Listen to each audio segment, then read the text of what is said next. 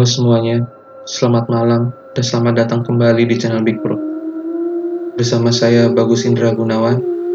Inilah podcast malam Jumat.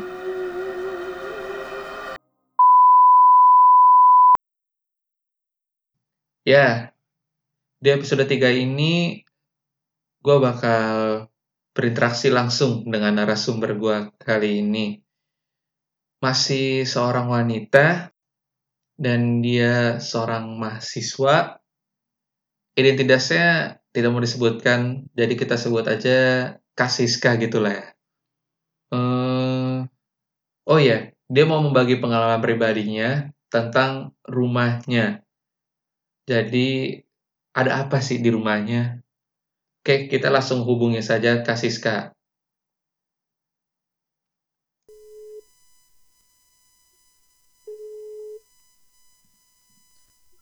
Halo? Halo. Iya, dengan Mbak Siska. Iya. Oke, Mbak. Ah, kak, kak aja ya kali ya, Kak. Eh, uh, gue sempet nih dapat berita, dapat kabar katanya rumah lu ini agak horor ya. Entah agak atau beneran horor gitu. Gimana ya kalau dibilang horor ya horor horor sih. Karena emang horor. Oh karena emang horor ya? Hmm, kalau boleh tahu rumahnya nih daerah mana gitu? Sebutin aja uh, wilayahnya gitu. Nggak usah disebutin Bogor. detail. Daerah Bogor. Daerah Bogor. Wah hati-hati tuh yang tinggal di daerah Bogor ya. Kabupaten apa kota nih? Di kabupaten Hmm, kabupaten. Oke. Okay. Oke, okay, Kak Siska nih. Uh, makasih ya udah mau bercerita gitu sama pendengar podcast malam Jumat. Uh, di sela-sela kesibukannya sempat mengirimkan ceritanya ya. Ya, sama-sama. Oke. Okay. Oke. Okay. Makasih juga udah diundang. Waduh, kayak dikasih honor gede aja nih. Oke Mbak Sis Kak Siska gitu. Maaf. Kak Siska bisa mulai ceritain gitu gimana sih awal mulanya? Apa dari kecil udah tinggal di situ udah horor atau baru-baru ini gitu? Jadi tinggal di sini tuh karena rumah ini pemberian dari uh, kakek ibu gue. Terus aku aja kali yang gak enak ngomong kayak gitu. Terus uh, apa? Ya emang dari kecil udah tinggal di sini dan ya ngalamin hal-hal kayak gitu ya emang udah dari kecil jadi sampai sekarang udah kayak terbiasa gitu sama hal-hal kayak gitu sampai kayak rasanya tuh nggak masuk akal tapi ya memang bener ada hmm oke okay. sebelumnya nih lu punya kemampuan spesial nggak sih gitu kayak emang bisa ngeliat atau Enggak. tapi uh, kadang tuh di antara di aku tuh empat bersaudara. Nah di yang paling peka terhadap kayak gitu tuh uh, ada kakak sama aku sendiri. Hmm jadi peka aja gitu ya? Bukan beneran bisa ngeliat gitu ngobrol kan? Bukan ya? Enggak enggak enggak. Tapi kak kadang tuh kalau apa ngelihat uh, wujudnya gitu pernah beberapa kali cuma nggak yang bisa sampai komunikasi atau uh, melihat itu enggak sih. Oke oke ngerti ngerti.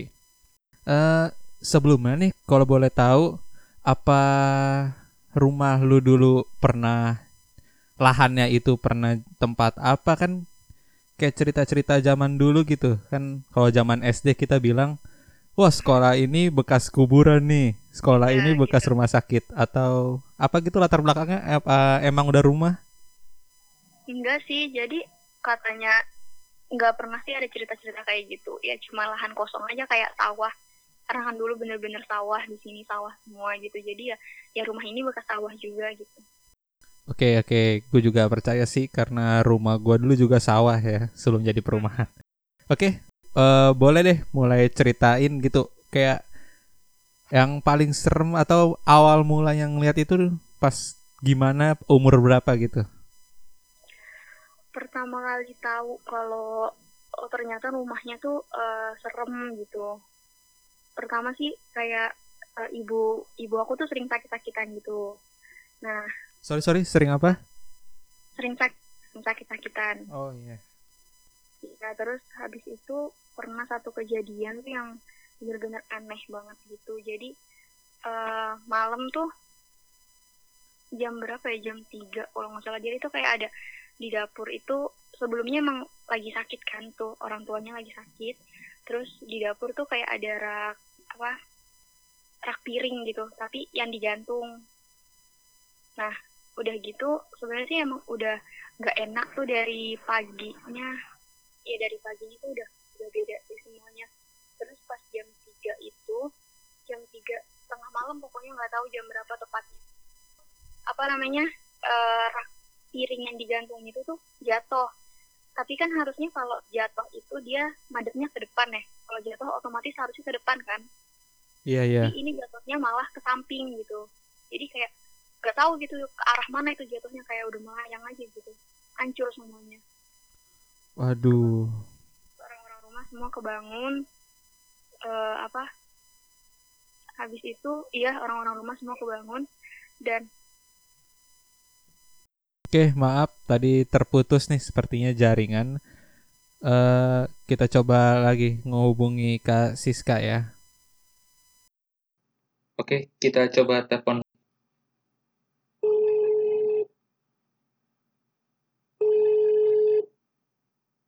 Halo? Halo. Maaf ya keputus. Iya, nggak apa-apa. Nggak apa-apa. Oke. Tadi terakhir soal rak piring jatuh terus pada kebangun. Nah, terus kelanjutannya gimana tuh?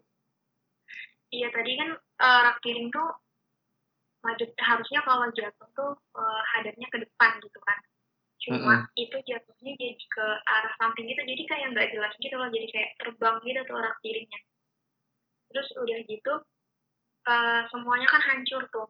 Piring, gelas, pokoknya semua deh kayak yang dikasih dari nenek gitu tuh itu ditaruh situ semua kan karena terus udah hancur semua berantakan banget tengah malam kebangun tuh sampai kayak uh, orang tua tuh nangis gitu. Karena emang se setiba-tiba itu dan aneh banget gitu jatuhnya. Jadi kayak jadi nggak masuk akal deh.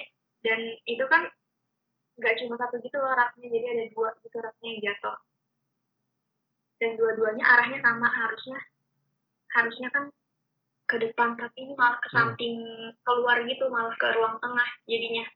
Aneh pokoknya kayak terbang gitu. Udah gitu ya karena masih kecil jadi pas kebangun itu pas berantakan banget tuh nggak boleh bantuin kan disuruh masuk kamar lagi untuk tidur.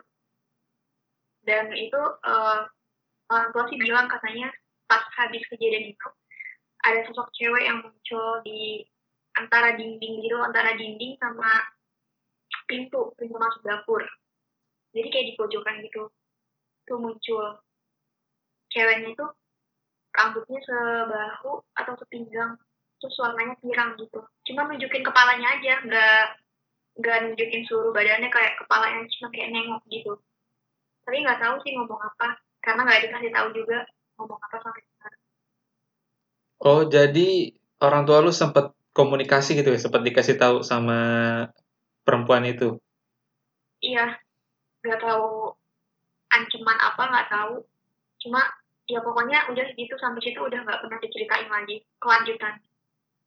Nah terus? Karena emang serem itu sih. Oke terus kak pernah nggak sih di hari-hari berikutnya uh, muncul lagi perempuan itu? Kalau perempuan itu sih enggak ya tapi katanya sih ada di kamar nyokap. Sekarang gue lagi di kamar nyokap dan deg-degan cerita ini.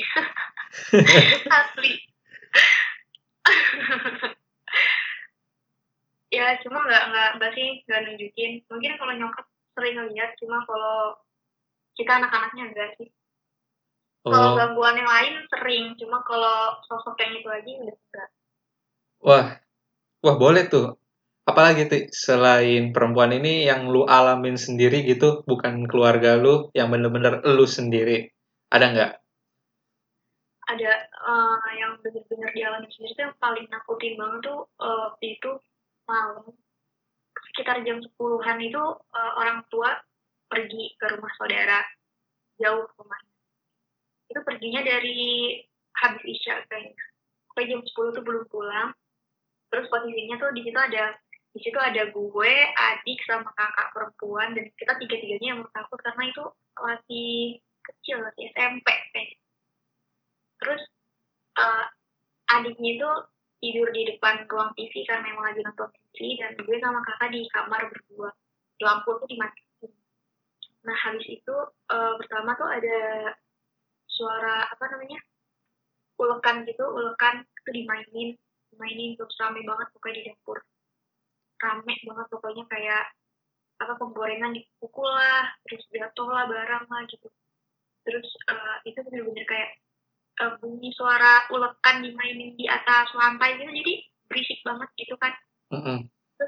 udah deg-degan banget udah bener-bener panik habis itu ada eh, suara babi Suara tahu babi. itu suara babi dari mana ya itu jelas banget kayak kan jadi kamar sama dapur tuh sebelahan Mm-mm. jadi itu bener-bener suaranya tuh nyata banget senyata itu gitu. Itu udah takut banget. Dan dia tuh kan karena adik gue di depan jadi sendirian kan dia dan dia ketiduran di situ. Nah dari dapur itu suara orang langkah kaki orang tuh nyata banget senyata itu. Langkah kaki orang kayak orangnya tuh besar terus langkah itu kayak dak dak dak gitu. Tuh kayak dari dapur ke ruang tamu balik lagi dari ruang tamu ke dapur itu terus kayak gitu sa- sambil itu tuh sambil dapur tuh rame kayak apa-apa dimainin terus sama suara babi tadi itu. Jadi itu udah bener-bener gak ngerti rasanya kayak takut panik pingin nangis gitu. Akhirnya kita mutusin buat keluar terus narik adiknya lagi tidur dan kita keluar. Jam setengah belasan Akhirnya lu keluar rumah gitu sama adik lu, semua kakak lu. iya teriak gitu keluar tetangga Terus respon tetangga lu gimana? Apa diajak lu lu diajak pulang atau tinggal di tetangga lu? nggak nggak tahu karena emang udah pada tahu kalau emang rumah ini serem juga jadi nggak nggak ada yang berani juga untuk sini jadinya kita di rumah tangga sampai orang tua pulang Oke, tadi kan lu bilang lu udah lama ya di sini kan, di rumah itu. Eh sampai sekarang nih masih ada nggak sih keisengan-keisengan gitu yang lu alami atau anggota keluarga lu alami? kalau sekarang sih alhamdulillah udah berkurang karena uh, orang tua udah ibu, ibu ya karena emang masalahnya itu ada di ibu gitu jadi ibu udah berobat gitu jadi alhamdulillah sih udah berkurang Oh, alhamdulillah deh kalau gitu. Eh, sempat ada ini, sempat ada apa keluhan gitu kalau ibarat di medis sempat ditempel atau gimana gitu. jadi ibu gue tuh dari dulu ya dari Eh sorry sorry, kalau privasi banget gak perlu cerita nggak apa-apa kok. kenapa Kalau privasi banget gak perlu cerita nggak apa-apa gitu. Oh, iya jadi apa? Karena emang rumah ini tuh pusatnya tuh emang ada di ibu ini, ada di si ibu. Hmm, Dulu tuh udah udah sering banget kayak, ya udah sering banget lah pokoknya kayak berobat berobat gitu yang berobat medis dan kalau di medis tuh diperiksa semuanya tuh normal semua gak ada penyakit apa pun gitu. iya. Cuma udah periksa ke orang pintar tuh beberapa kali dan hasilnya nggak membaik juga. Terus ada yang makin malah buruk. Akhirnya eh, 2018 itu mutusin untuk ke daerah Gunung Pancar. Dan udah sampai sekarang perlahan sih nggak sesering itu. Wah, berarti udah mulai tenang lah ibaratnya ya.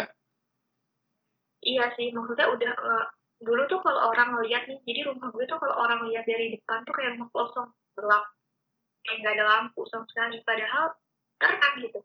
Tapi kalau orang ngeliat tuh kayak nggak ada lampu gitu, gelap aja. Semua orang yang lewat tuh selalu bilang gitu.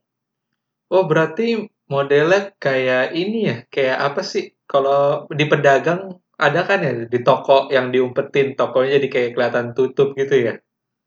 Iya, cuman nggak gitu sih. Maksudnya kayak kayak ada rumah, cuman nih rumah Gelap gitu. Tapi iya nggak dipasangin lampu apa gitu. Padahal terang dipasangin lampu gitu. Oh, kayaknya boleh nih kalau misalnya gue jadi buka podcast visual langsung ke rumah lo nih kayaknya nih. Silahkan dengan senang hati. Galak gak tuh ntar gue dateng gak boleh lagi. Enggak kok udah udah aman. Berarti sampai detik ini udah mulai berkurang lah atau masih mengalami sedikit-sedikit gitu atau udah lama nggak ada gangguan lagi? Belum lama ini tuh kayak setahun yang lalu. Enggak deh, kayaknya berapa bulan yang lalu sih, nggak setahun yang lalu. Jadi itu tengah malam lagi tidur. Jadi posisinya kamar gue itu uh, jendelanya itu madep menghadap ke jalan gitu, menghadap keluar. Hmm. Uh, terus uh, dan posisi tempat tidur itu menghadap ke jendela gitu. Iya, iya. jadi waktu itu malam tuh ada yang ngetok-ngetok jendela. Itu belum lama deh kayaknya nggak sampai setahun yang lalu. Terus uh, kakak perempuan gue kebangun kayak bangunin itu ada suara gitu. Biasa kan karena uh, di antara keempat anak ibu gue tuh yang paling berani itu maksudnya yang paling kayak dengan udah udah biasa aja gitu. Itu gue sama sama mas kakak laki-laki pertama udah ngerasa kayak ya udah mereka ada dan kita berdampingan gitu asal nggak saling ganggu Iya, iya, gue sepakat sama kakak lu. Em, mereka ada, cuman ya udah kita punya masing-masing, kita nggak saling ganggu gitu lah ya. Iya, Oke. gitu. Kak Siska, terima kasih sudah mau menghubungi dan berbagi kisah di podcast malam Jumat. Eh, semoga ke depannya udah le- lebih baik lagi deh rumahnya, makin tenang, makin tentram, biar nyaman sekeluarga semuanya ya. amin ya makasih juga ya kak Ya oke, makasih. Baiklah kalau gitu, terima kasih sudah mendengarkan podcast malam Jumat episode 3. Kalau gitu, sampai jumpa di lain kesempatan. Tetap waspada, karena mereka ada di sekitar kita.